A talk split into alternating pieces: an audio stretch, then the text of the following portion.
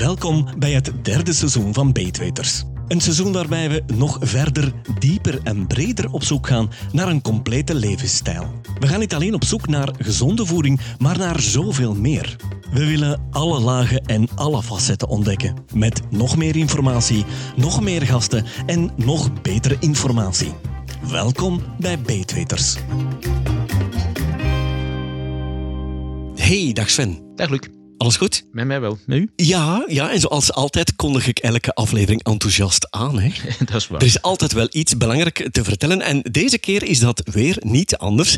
Want we hebben niet zo vaak een gast. We hebben altijd gezegd, het moet de moeite waard zijn. Het moet op zijn minst een expert zijn. En we hebben er zo eentje gevonden. Hè. Want we hebben bij ons in de studio Filip Bruinings. Dag Filip. Dag Sven, dag Luc. Bedankt om mij hier uit te nodigen. Ik voel me vereerd. Dat is heel graag gedaan. En ik ben zelfs blij dat jij een aantal afleveringen van ons hebt beluisterd. Want we hebben jou niet zomaar gevraagd. We hebben jou gevraagd omdat jij de enige professionele olijfolieproever in België bent. Zeg ik dat juist? Dat is volledig juist. Uh, ondertussen is er nog wel één of twee personen daar zitten eraan te komen die in opleiding zijn in Italië. Um, er zijn ook al een aantal technische olijfolieproevers. Maar eens dat je in een jury of uh, in, uh, mee wil in het kwalificeren van olijfolie, moet je wel professioneel olijfolieproever zijn. De volledige opleiding volgen van drie jaar lang. Wij zijn uiteraard allemaal olijfolieproevers. Of tenminste de mensen die graag slaatjes eten met daar een beetje olijfolie over. Maar jij bent degene die het eigenlijk effectief moet beoordelen. Er zijn een beetje um, wat andere raakvlakken aan. Het is zo dat in de voeding, en bij olijfolie is dat niet anders, er nogal eens geschummeld wordt. En daarvoor kan je natuurlijk chemische testen gaan doen in een labo. Maar bij het geval van olijfolie is het niet mogelijk om alles eruit te halen. En daarvoor hebben we dan een olijfolieproeverspanel van acht mensen die getraind zijn, die gekwalificeerd zijn. En daar zit ook een panelleader bij. De panelleader die coördineert het hele gebeuren. De olijfolie die worden geproefd en met statistische methodes wordt er dan bepaald of dat het extra virgin, virgin of lampante of ordinary virgin olijfolie is. Dus de kwalificaties die wordt dan bepaald door de panelleader. Ik zie, ik zie Luc hier al, al kijken van, uh, hè, dus een paar moeilijke woorden gepasseerd die dat we zo meteen gaan moeten verduidelijken, denk ik, hè, Luc? Ja, daar wil ik het vast en zeker over hebben, want dat is mijn topic nummer één na de voorstelling. Maar ik hoorde jou ook iets zeggen, dat gaat dat ver, dat? Gaat het enkel over um, verkeerde terminologieën, of wordt er gemixt, of wordt er een beetje gelogen op het label? Is dat wat je bedoelt? Uh, wanneer dat een uh, fraude uh, uitkomt, om, het zo te zeggen, wordt er dan dikwijls gezegd: Oh, we hebben gewoon een verkeerd label geplakt. Uh, eigenlijk heb je dat heel goed naar boven gebracht. Maar het is zo, en de laatste jaren is het er niet beter op geworden omwille van de slechte oogsten. 50% minder productie. En dan gaat men natuurlijk beginnen mengen om toch nog ja, de flessen te vullen. de productie moet er zijn en dat is inderdaad zo dat er olijfolie ja, waar de herkomst niet altijd van duidelijk is. Dat zie je dan ook op de fles staan. Olijven van buiten de Europese Unie of van over de hele Europese Unie, waar daar dan toch een Spaans vlaggetje of een Italiaans vlaggetje op staat, eh, terwijl dat het helemaal niet zo is. Het is ook zo dat er verdund wordt. Dat kan met andere olie zijn of met geraffineerde olijfolie. Uh, dat is al heel moeilijk te ontdekken als dat toch in kleine hoeveelheden gebeurt, omdat die geraffineerde olijfolie die is totaal smaak, smaak- en geurloos. Dus als je niet te veel verdunt, valt het heel weinig op. Er is een boek geschreven door Tom Muller, De prachtige en de schandalige wereld van de olijfolie. En daarin wordt met naam en toenaam genoemd wie dat er allemaal ondertussen uh, ja, straffen heeft opgelopen, hoeveel dat er verdund wordt, wat er gefraudeerd wordt. En we zitten momenteel tussen de 70 en de 80 procent van wat in de warenhuisrekken staat, is geen extra virgin olijfolie. Dus ook al, ook al, staat het op de fles? Ja, uh, dat, is dat is echt zo. Uh, ik heb hier een Zwitsers rapport bij, dat mogen jullie inzien na de podcast. En daarin komen we zelfs tegen dat er tot 15% lampante-olie in zit, olijfolie. Lampante-olijfolie is niet meer geschikt voor menselijke consumptie. Uh, okay. Niet dat je er ziek van wordt, maar is gewoon walgelijk van smaak. Ja. En toch staat het in de schappen. Ja. Um, dat is ook heel moeilijk te detecteren. als je Lampante olijfolie wel. Lampante olijfolie, maar van het moment dat je categorie minder gaat dan extra virgin of extra vergine of vierge, afhankelijk van de taal waarin dat je het wilt uitspreken. Een categorie minder is virgin olijfolie. Dat is een olijfolie die een klein defect heeft, of waarin dat de vrije vetzuren niet boven de 0,8% zijn. Daarvoor zijn er dan ook proefpanels om dit te ontdekken. Als ik het dan goed begrijp, dit is wat, wat jij doet. Al die flessen die in supermarkten en zo komen, ga jij ook mede beoordelen en, en proberen er de fraude uit te halen? Het is allemaal een beetje afhankelijk van wie dat de, de vraag stelt om een uh, controle te doen. In Nederland hebben we het uh, Olijfolie-instituut van Wilma van Grinsven. Daarin wordt op vraag van de supermarkt zelf olijfolie getest. Maar het is ook zo dat een FOD Economie in België olijfolie laat testen. Die stuurt dat naar een proefpanel. Het is een beetje afhankelijk wie dat de vraag stelt. Het is niet zo dat elke fles die in, de, in het warenhuis staat, dat die gecontroleerd is. Nee. Dat is een beetje een probleem. We doen ook competities, die zijn er wereldwijd. Er zijn er in Londen, Athene. Ik heb verleden jaar zelf de wereldwijde competitie in Geneve mogen doen. Er zit een commercieel kantje aan. Die mensen proberen een goede kwalificatie te halen met hun producten. Ja. Die krijgen dan bepaalde uh, gouden medailles, zilveren medailles. Maar het is natuurlijk zo dat wat er in de warenhuizen staat, heel weinig of bijna niet gecontroleerd wordt. Omdat olijfolie is ook maar een heel klein percentage van de, van de vetstoffen die in de keuken gebruikt worden. Hè, ja, maar, maar, ik denk toch dat, en, en ik denk dat dat toch zo is voor onze luisteraars, dat eh, onze luisteraars het zo gezond mogelijk mogen doen. En, en we zijn er toch allemaal van overtuigd dat olijfolie heel gezonde eigenschappen heeft. Hè? Dus uh, het, het is onderdeel van het, het fameuze mediterraanse dieet, wat naar voren geschoven wordt als een van de gezondste diëten ter wereld. Wat, wat ervoor zorgt dat er minder ziektes zijn, langer leven, meer kwaliteitsvol leven. En olijfolie, samen met, met noten en, en, en andere zaken en zo, staan daar toch heel hoog het menu. Ja, maar het probleem voor die mensen is meestal dat ze niet weten hoe dat ze die kwaliteit van die olijfolie moeten gaan beoordelen. Ja. Ik herinner me nog mijn moeder eh, heel lang geleden, eh, jaren zeventig, dat die zei: Ik wil nooit geen olijfolie meer in mijn huis. Dat stinkt, zei hij dan. En eigenlijk had ze nog gelijk ook. Ah, wel, daar wil ik eigenlijk op inpikken. Olijfolie zou eigenlijk lekker moeten smaken, klopt dat? Ja, ja, ja. De, uh, olijfolie wordt beoordeeld op drie kenmerken. Uh, dat, is, en dat start met de geur om naar, maar even duidelijk te maken, als wij een olijfolie gaan beoordelen, gaan wij al niet kijken naar de kleur. Punt 1. Punt 2, we gaan eraan ruiken en we krijgen dat in een blauw proefglaasje, om de kleur niet te herkennen, uh, bij 28 graden. Wij gaan daaraan ruiken. Wat komt daar heel veel in voor, is het ruiken naar uh, pas afgereden gras alsof dat je door je, moestuin loopt, uh, dat je eens aan, aan, wat blaadjes voelt van sla, mhm. van, van, van, ja, van groenten.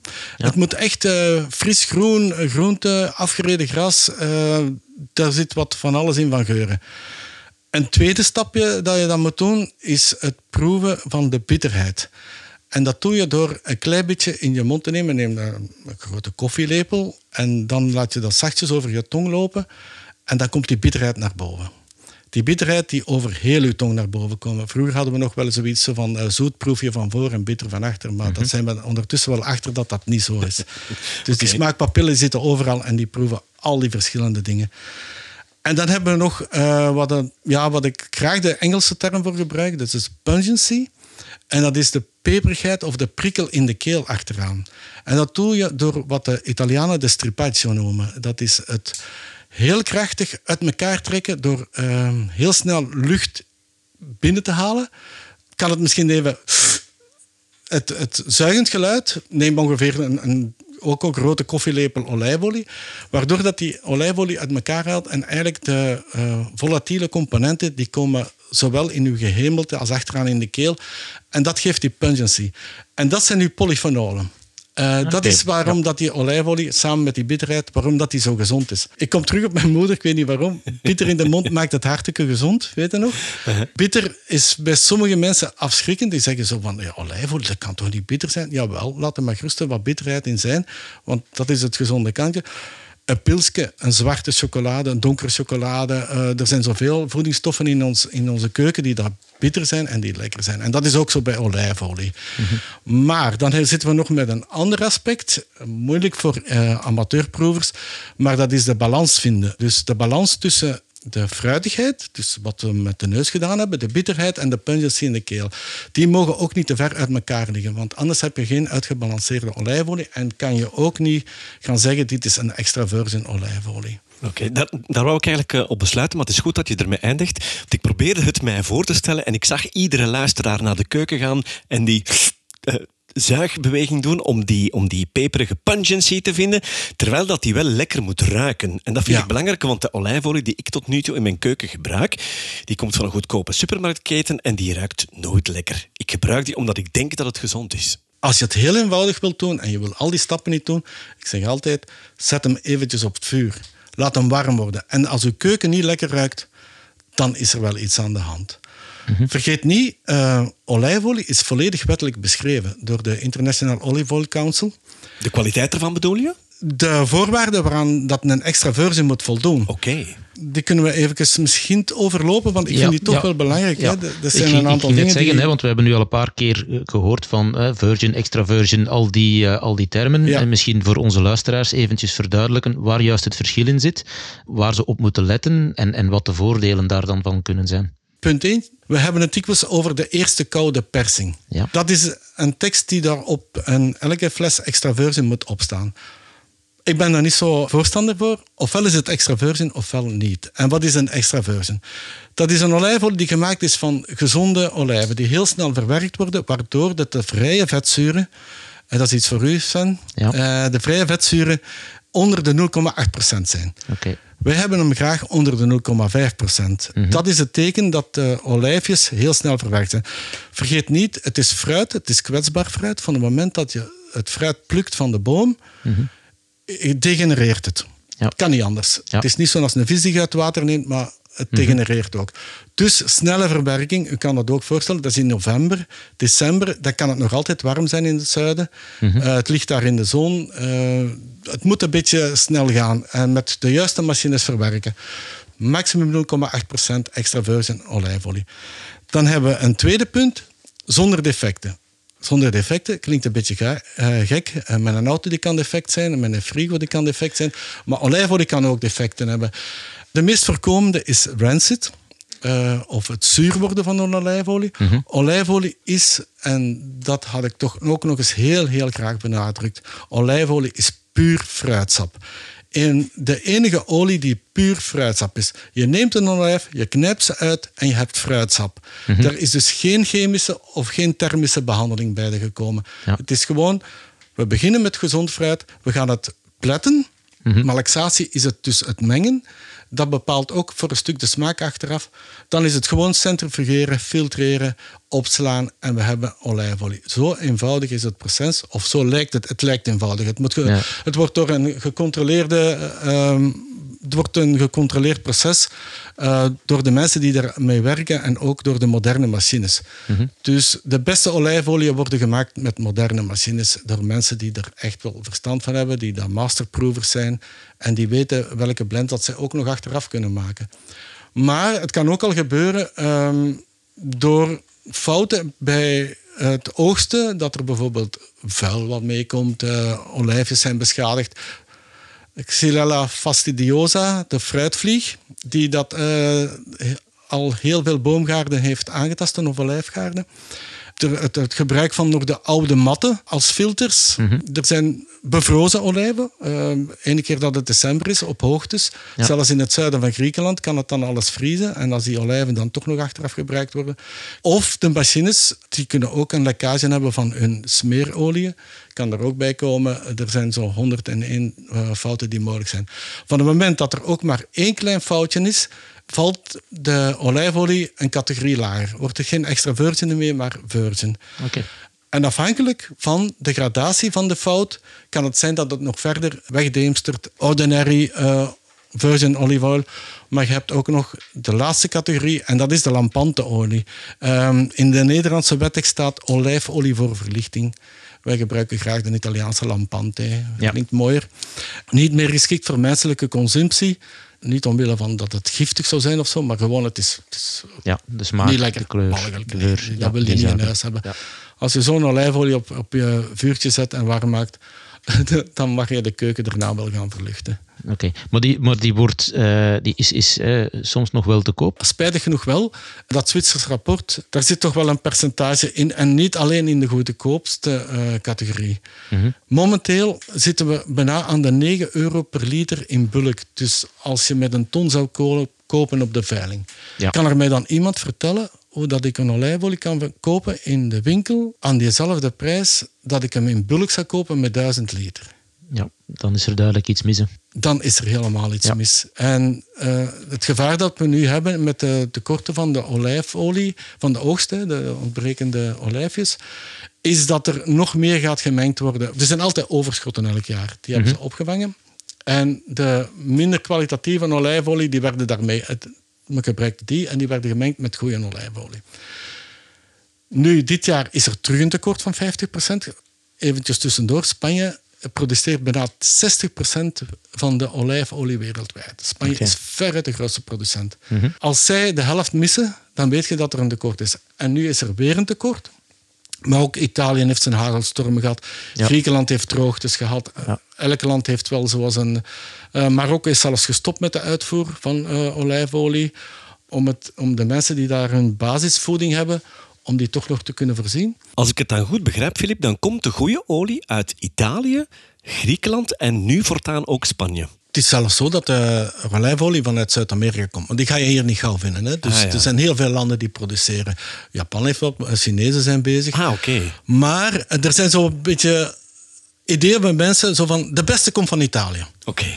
En de grootste producent is Spanje. Nu, dat laatste is waar, maar de beste komt misschien van Italië. Er komt hele goede van Italië, mm -hmm. maar er komt ook hele slechte van Italië. Er komt hele goede van Spanje. Het heeft te maken met welk is het ras? Hè? 1100 uh, verschillende soorten olijven. Hoe is dat behandeld? Is daar de kennis?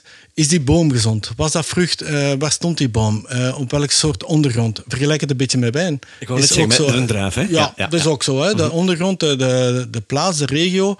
Het moment van plukken. Vroeger was het zo, hoe langer je wacht, hoe meer olie je krijgt als opbrengst. Maar hoe minder de kwaliteit? hoe minder de kwaliteit, hoe minder sterk. Uh, een olijf, de groene en de zwarte olijf, is eigenlijk dezelfde olijf. Het is gewoon het rijpingsproces. Ah. Uh, we vertrekken altijd van een groene olijf en die wordt paars, bruin, zwart, uh, afhankelijk van de soort, hè, 1100 soorten. En dat is ook de kennis van diegene die de olijfolie maakt om te weten wat is nu het moment dat we ze moeten gaan plukken en verwerken. En vroeger was het simpel, wachten zo lang mogelijk, hebben we veel olie, maar er zit geen kracht meer in en die polyfenolen die zijn op hun minimum. Nu gaan we zeggen, meestal is dat zo'n beetje rond de kleuromslag. Zo. Als er van groen, als er zo 10, 20 procent met al een ander kleurtje hebben, gaan ze zeggen, we gaan dat plukken. Die verwerking die moet dan ook gebeuren bij een bepaalde temperatuur. Dat zegt de wetgever ook. Hè. Dus dat dat is ook nog eens in de wetten opgeschreven. Eerste koude persing, maximum 27 graden. Nu, dat is ook maar een lijn die daar getrokken is. Uh, bijvoorbeeld een Arbequinia. Ik denk als we die gaan maken bij 27 graden, dat hij uh, veel van zijn pluimpjes verloren heeft. Maar een pikwal bijvoorbeeld, die kun je bijvoorbeeld tot 35 graden verwerken. Je hebt het nu over verschillende soorten olijven, over verschillende merken Arbequinia, pikwal zijn uh, ja. olijfsoorten. Hè? Dat is een Jona Goldford, een appel. Er zijn er 1100. Uh, we kunnen ze niet allemaal noemen. meestal krijgen ze ook namen van de streek waar dat ze het meeste in voorkomen. Mm -hmm. Ja. Maar het is niet zo inderdaad, um, de beste komt van dat land of dat land. Het zijn zoveel factoren. De boom, de, de verwerkingsinstallatie, de snelheid van verwerking, de kennis van diegenen die er werken, uh, de ondergrond.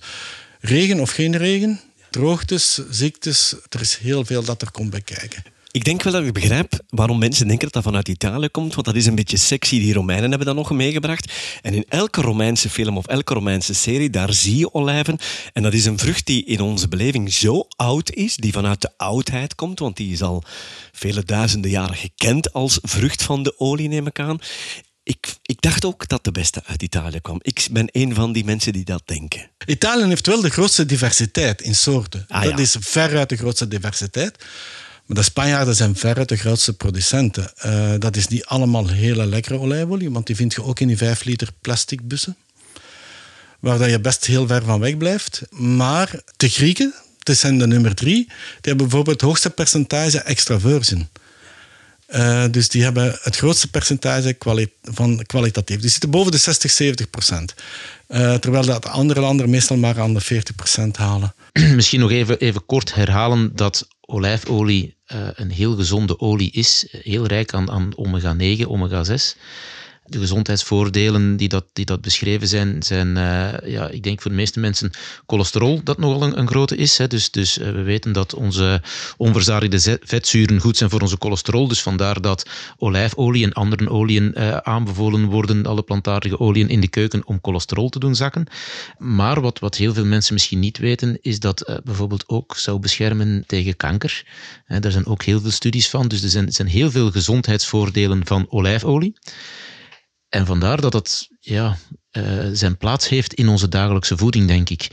Maar het is natuurlijk zo, we willen dan natuurlijk wel, wel de goede. Dus, dus de vraag is dan van, ja, waar moeten wij echt op letten als we naar de supermarkt gaan? Hoe weten we dat we die goede hebben met al die gezondheidsvoordelen en niet ergens iets, iets goedkoper waarvan dat we denken dat het ons gezondheidsvoordelen gaat bieden, maar misschien toch niet zo is? Dan kom ik terug op uh, iets dat eerder gezegd is nog, Sven. Dat is toch wel belangrijk. Uh, de prijs is een indicatie. Ja. De Europese Commissie, de EFSA in feite, heeft een uh, heldclaim gegeven aan olijfolie. Waarbij dat ze zeggen, als we een 20 gram, ongeveer, dat is ongeveer anderhalve soeplepel olijfolie per dag gebruikt, uh, dan is dat goed voor hart- en bloedvaten en inderdaad voor de lowering van de LDL-cholesterol. Ja. Nu, hoe herken je die olijfolie? Wel, wat ik daar straks zei, de pungency in de keel, het prikkelen. Ja. Uh, de bitterheid, mm-hmm. dat zijn die olijfolie. Als de olijfolie heel zacht is, gaat het weinig hebben. Nu, um, ik heb zelf een hele gamma van olijfolie en er zitten er een aantal tussen die dat een stuk zachter zijn en die zitten nog boven de 250, 300 milligram per kilogram. Als van het moment dat een olijfolie extra virgin is, haalt hij dan meestal wel. Okay, dus okay. Uh, let op die bitterheid, let op die pungency in de keel. Ja. Uh, maar dat is als je zuiver proeft. Daarom vraag ik ook altijd aan mensen, als je proeft, doe het dan ook zuiver. Doe dat dan niet met een stukje brood of zo, maar probeer dat met, met lichtjes verwarmde soeplepel en ga het zo eens een keer proeven. Nu Filip, dan de volgende vraag, hè, want ik weet dat heel veel mensen uh, olijfolie dan wel in huis hebben, maar die dan bijvoorbeeld gaan gebruiken om in te bakken. Nu, als we gaan bakken, dan gaan we ja, sowieso al minder binnenkrijgen, omdat ja, ons vlees of onze vis of, ons, iets anders wordt daarmee mee gebakken. Dus je krijgt minder binnen, hè, want het meeste blijft in die pan. Maar we gaan dan ook nog eens een keertje uh, verhitten, waardoor dat we toch wel ook bepaalde zaken, bepaalde gezonde zaken van die olijfolie gaan verliezen, denk ik dan. Dat is zo. Maar dat mag u niet tegenhouden om een gezonde vetstof te gebruiken. Mhm. Je vertrekt met een gezonde vetstof die wel een aantal positieve eigenschappen gaat minderen. Maar die mhm. gaat hij niet helemaal kwijtraken. Mhm. Um, een bekend trucje van sommige koks is ook uh, een stuk vlees bakken en er achteraf zo een streepje olijfolie op doen. Ja. Om het zachter te maken en de beet te hebben. Maar hoe sterker dan een olijfolie is, en dan spreek ik over het uh, gehalte polyfenolen, ja. hoe meer dat hij die eigenschappen gaat bewaren. Nu, het is ook een kwestie van centjes. Wil je zoveel geld geven aan een fles olijfolie, die het gemakkelijk 20 euro kost, om dan gewoon een stukje spek in te bakken? Ja. Dan zeg ik misschien, ja, misschien kan je dat dan beter niet doen. Dan is de andere kant, als je kijkt naar de achterkant van je pakje bakboter, Mhm. wat daar precies op staat, dan kies ik toch liever toch weer al voor die olijfolie. Want Ja. dan weet ik dat ik een gezond product in huis heb, die goed is voor hart- en bloedvaten. En die wordt niet slecht. En een enorm voordeel van olijfolie, want er is zo nogal eens eh, een beetje tegenstand. Van, ja, maar kun je daar wel mee bakken en braden? Ja, dat kun je heel gerust tot ongeveer 185 graden tot 210 graden, afhankelijk van de olijfolie. Heel simpel, als ze rookt, is ze voor het containerpark, niet in de vuilbak, hè. Ja. voor het containerpark. Ehm, maar olijfolie heeft een heel lange weerstand in tijd bij hoge temperaturen. Als ik vandaag eh, een aubergineke zou bakken in de pan in, olij, in boter en mijn pan is te klein en ik moet het in twee keer doen, dan moet ik opnieuw boter pakken. Ja. Bij olijfolie niet. Ik haal die auberginekes eruit en ik doe in diezelfde vetstof kan ik nog heel... Wie ooit al eens in Griekenland in zo'n Griekse taverne is geweest, hè, wat dat daar een restaurant is, ga maar eens kijken in de keuken hoeveel uren dat daar die olijfolie op een heet vuur staat. Dat is, dat is enorm. Dat wordt uren in gebakken en die, die degradeert eigenlijk. En is het dan de dure uh, olijfolie dat ze daar gebruiken of eerder die van, uh, uit de, de, fles van 5 liter? Het is meestal hun, hun eigen olijfolie. ja, dat is, dat is hun eigen olijfolie. Hè. Die mensen hebben bijna allemaal olijfbomen. Waar dat je ook komt in Griekenland zie je de olijfbomen langs alle kanten staan. Dus die hebben ook een iets ander prijskaartje dan wij om ja, ja, ja, ja, ja, ja, tuurlijk. Ja, maar dus, ik denk, ik heb in eerdere afleveringen vermeld, we gaan er redelijk in zijn, dat uh, hebben toen gezegd van kijk, olijfolie, een heel, gezond, een heel gezonde olie, maar ik zou hem niet gebruiken om te bakken, maar ik zou hem eerder over de, de salade doen, hè, omwille van dat je dus bepaalde goede eigenschappen gaat uh, verliezen tijdens het verwarmen en tijdens het bakken. Um, ik ben ook geen voorstander, want we hebben net gezegd van ja, kijk, het is nog altijd wel beter dan wanneer we bepaalde bakboter gaan, uh, gaan gebruiken. Nu, ik weet ook dat er um, heel veel plantaardige boters, hè, want de mensen worden aangemoedigd om plantaardige boter te gaan gebruiken om dan in te bakken, waar onder andere dan ook olijfolie aan toegevoegd is. Maar dat heeft weinig nog met olie te maken, hè. onze plantaardige boter. Dus daar ben ik zelf geen fan van. Dus ik, ik, ik ben het met u eens dat als we um, moeten kiezen tussen de plantaardige boter of de olijfolie, dat ik dan ook de olijfolie wel zou, zou kiezen als het meest gezonde. Maar ik heb um, in het verleden wel gezegd van ja kijk, hè, dus pas wel een beetje op als je echt heel hoge temperaturen gaat gebruiken met olijfolie, van dat het dan wel zou kunnen dat er dus um, de gezonde zaken opeens wegvallen en dat er minder gezonde zaken kunnen naar boven komen. Maar hetgeen dat ik u nu hoor zeggen is van ja kijk, zolang als dat dus het niet gaat roken, ja. en dat is hetgeen wat we daar toen ook gezegd hebben, het rookpunt. Hè, dus zolang dat je die temperatuur niet te hoog gaat, gaat laten komen, dan, dan kan het wel. Ja. Als je nu bijvoorbeeld echt zou wokken, maar droog wokken op een mm -hmm. heel hoog uh, staand gasvuur. Uh, gasvuur dat volop aan het branden is en dan gaan wokken met olijfolie, dat zou ik bijvoorbeeld niet aanraden. Nee omdat dat, dan ga je boven die 220 graden gaan. Maar die kan gerust in de oven van 200 graden gaan met, met uh, wat groenten die gesneden zijn, olijfolie erover, de oven in. Mm -hmm. Fantastisch resultaat krijg je achteraf. Um, dat is ook omdat dan die groenten een beetje vocht verliezen en ja. dat eigenlijk allemaal ja. wat temperen. Ja, dus inderdaad. Maar je mocht ook niet vergeten dat uh, nog een andere eigenschap van olijfolie is dat het eigenlijk als een natuurlijk glutamaat werkt. En mm -hmm. uh, er goed voor zorgt dat een aantal smaken, smaken van uw groenten bijvoorbeeld, of ook van vlees, meer naar buiten gebracht worden, uh, waardoor dat je meer smaak krijgt. Mm -hmm. Doe maar eens het verschil met een bakboter, uh, gesneden groentjes in de oven. En daarnaast zet je diezelfde met uh, olijfolie. Ja. Die haalt echt die beste eigenschappen van die groenten naar boven. En dat gaat allemaal veel lekkerder zijn. Mensen met een uh, lactosetolerantie die toch graag een puree eten. We maken thuis gewoon nog puree met gekookt patatje. een goede olijfolie erover. En gewoon stampen zalig. Dat is echt lekker. Uh, wat ik ook niet zou doen, bijvoorbeeld, is frituren met olijfolie. Eén, uh, ik vind die frieten niet zo lekker. Mm -hmm. En oké, okay, laat me dat dan nog maar het wat minder gezonde uh, rundsvet gebruiken. Ja, dat, dat, hebben we ook al dat gezegd. Dat is ook wat gek. Van vandaag twee liter olijfolie voor eens een keer tien of vijf keer frietjes te bakken. Dat is ook een, een dure hobby. Maar voor alle andere gerechten, wees gerust. Uh, olijfolie is, is daar op de eerste plaats uw gezonde vetstof. Nu, voor alle duidelijkheid, als je bakt met olijfolie, dan spreken we echt over de kwalitatieve olijfolie en niet die van 9 euro of minder vanuit de goedkope supermarkt. Dat is wel een duidelijk onderscheid dat, je, dat we moeten maken. Hè. Het moet een degelijke olijfolie zijn die we gebruiken om tot 200 graden onze groetjes in de oven klaar te maken. Wel, kijk, dat is een beetje een, een moeilijk verhaal in die zin. Het mag niet onaangenaam ruiken. Dat wil je niet. Ik onthoud Dat wil je niet in de keuken. Twee, uh, een klein defectje bijvoorbeeld, bijvoorbeeld uh, lichtjes zuur geworden, dat kan je nog perfect gebruiken om mee te bakken. Uh, een stukje sterk vlees, uh, iets dat zelf al heel veel smaak heeft, bijvoorbeeld een stukje mm -hmm. spek, kom er altijd op terug, kun je daar gerust in bakken. Ja. dat is geen probleem. Van het moment dat je natuurlijk met een lampante olijfolie zit, dan, dan, ja, dan gaat iedereen de keuken uitlopen en dan wil je ook niet meer op je bord dat is nu een ander verhaal. Maar als je al start met een olijfolie die niet goed is, eh, wat, waar ik het over heb, is een extra virgin olijfolie die je ergens vergeten zet in je kast. Die staat er al een jaar, anderhalf jaar. Die, of die heeft in de zon gestaan, we hadden een feestje buiten, gaat die overgegoten in helder glas. Een half uur in de zon, in helder glas, en uw olijfolie is een stuk van zijn kwaliteit kwijt. Uh, UV-licht is echt dodelijk voor dat fruitsap. Hè, we Ja, mogen dus dat niet vergeten. donkere Dat is fles niet altijd, behandeld, ja. dat is niet gesteriliseerd, dat is niet gepasteuriseerd, dat is niet chemisch behandeld. Dat kan echt niet tegen dat zonlicht. Eh, oxidatie gebeurt ook, maar dat is langzamer. Daarom probeer eh, altijd liever...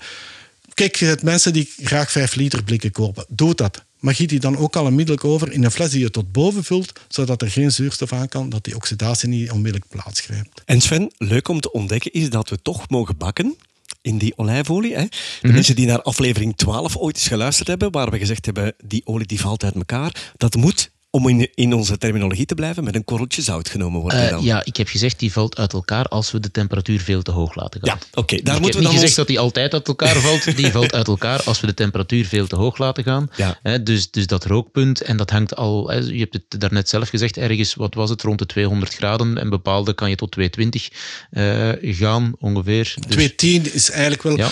tussen de 185 en de 210 graden, afhankelijk van de kwaliteit van de olie. Oké, dus... Mag je daar nog even iets aan toevoegen Tuurlijk. dat ik eigenlijk weer al vergeten ben?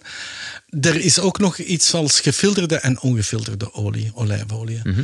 En ik raad iedereen aan om, alstublieft, koopt een gefilterde olijfolie. Dat is, eh, die bewaart langer. En daar zitten ook geen vaste deeltjes meer in. Geen restanten meer van de olijvenpulp. Want het zijn die die dat de pHK's veroorzaken als je gaat bakken. Waardoor dat de verbranding gebeurt. De meeste olijfolieën tegenwoordig zijn wel gefilterd hoor. Eh, dus daar kun je vrij gerust in zijn. Nog een nadeeltje ook bij dat bakken en braden, nu we het er toch over hebben. In olijfolie durft af en toe nog wel eens een klein beetje vocht te zitten, water. En dat kan een keer spatten. Maar als je al begint met je vlees een half uurtje op voorhand uit de ijskast te halen, even af te drogen en dan te bakken en te braden, dan gaat het al veel minder zijn. Voilà. Maar we verontschuldigen ons hier een heel klein beetje voor. En daarom zijn we ongelooflijk blij dat we een expert binnen hebben die eindelijk de juiste en de enige waarheid kan vertellen over dat bakken. Nu, ik wou het even over de gezondheid hebben, want af en toe kom je olijfolie wel eens tegen in terminologieën van dieet, hè Sven?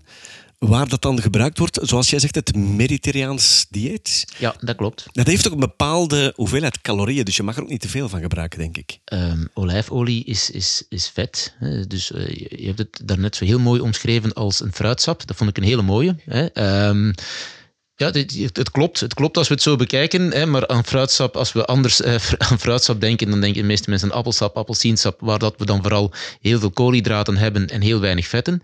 Eh, dit is dan een fruitsap waar eh, geen koolhydraten in zitten, maar wat eigenlijk ja, zo goed als 100% vet is.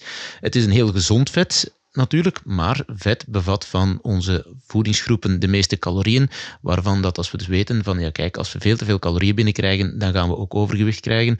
Dus hoe gezond het ook is, we moeten altijd een beetje voor mensen met overgewicht, je moet ook geen hele fles olijfolie ineens over de, de groente gaan, eh, gaan doen. Eh, het is wel heel gezond, maar dan gaan de calorietjes weer naar omhoog. Inderdaad. Dat is ook zo. Eh, nu, het is wel zo dat het mediterraans dieet door... over het algemeen, eh, een dieet is altijd persoonlijk. Hè? Elke mens Ja. is anders. Maar het mediterraans dieet is, wordt beschouwd door de diëtisten als zijnde toch wel het meest eh, geavanceerde of het beste dieet om eh, gewichtscontrole te doen en zo. Nu is het wel zo dat dat mediterraans dieet is, heeft heel veel te, met, met olijfolie te doen. Dat is altijd met olijfolie.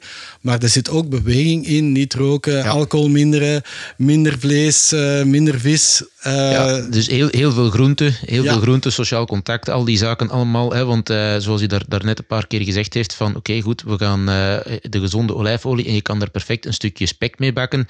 Maar dat hoort dan, olijfolie met spek, dat hoort dan al iets minder bij het mediterraans dieet dan de olijfolie met groenten. Klein stukjes, Sven. Klein ja, stukje. Ja, ja, tuurlijk. jongen, ik Heel klein probleem. stukje. Ik heb ook een ongelooflijk déjà vu, want Filip, wij horen dat elke keer. Sven zegt dat altijd.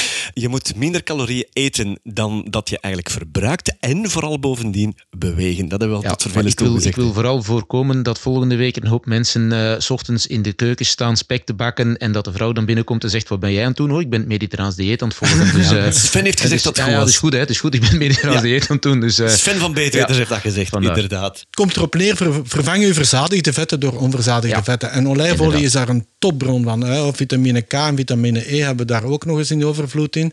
Ehm, het is echt een heel gezond natuurlijk product. Maar inderdaad, je mag er niet mee overdrijven. Hè. De Grieken vroeger, die, ja, die verbruikten een enorme hoeveelheid olijfolie, maar die waren dan ook de hele dag op het land aan het werken. tuurlijk. En dan krijg je een andere situatie. Wij zijn mensen die heel veel achter onze computer zitten, in een auto.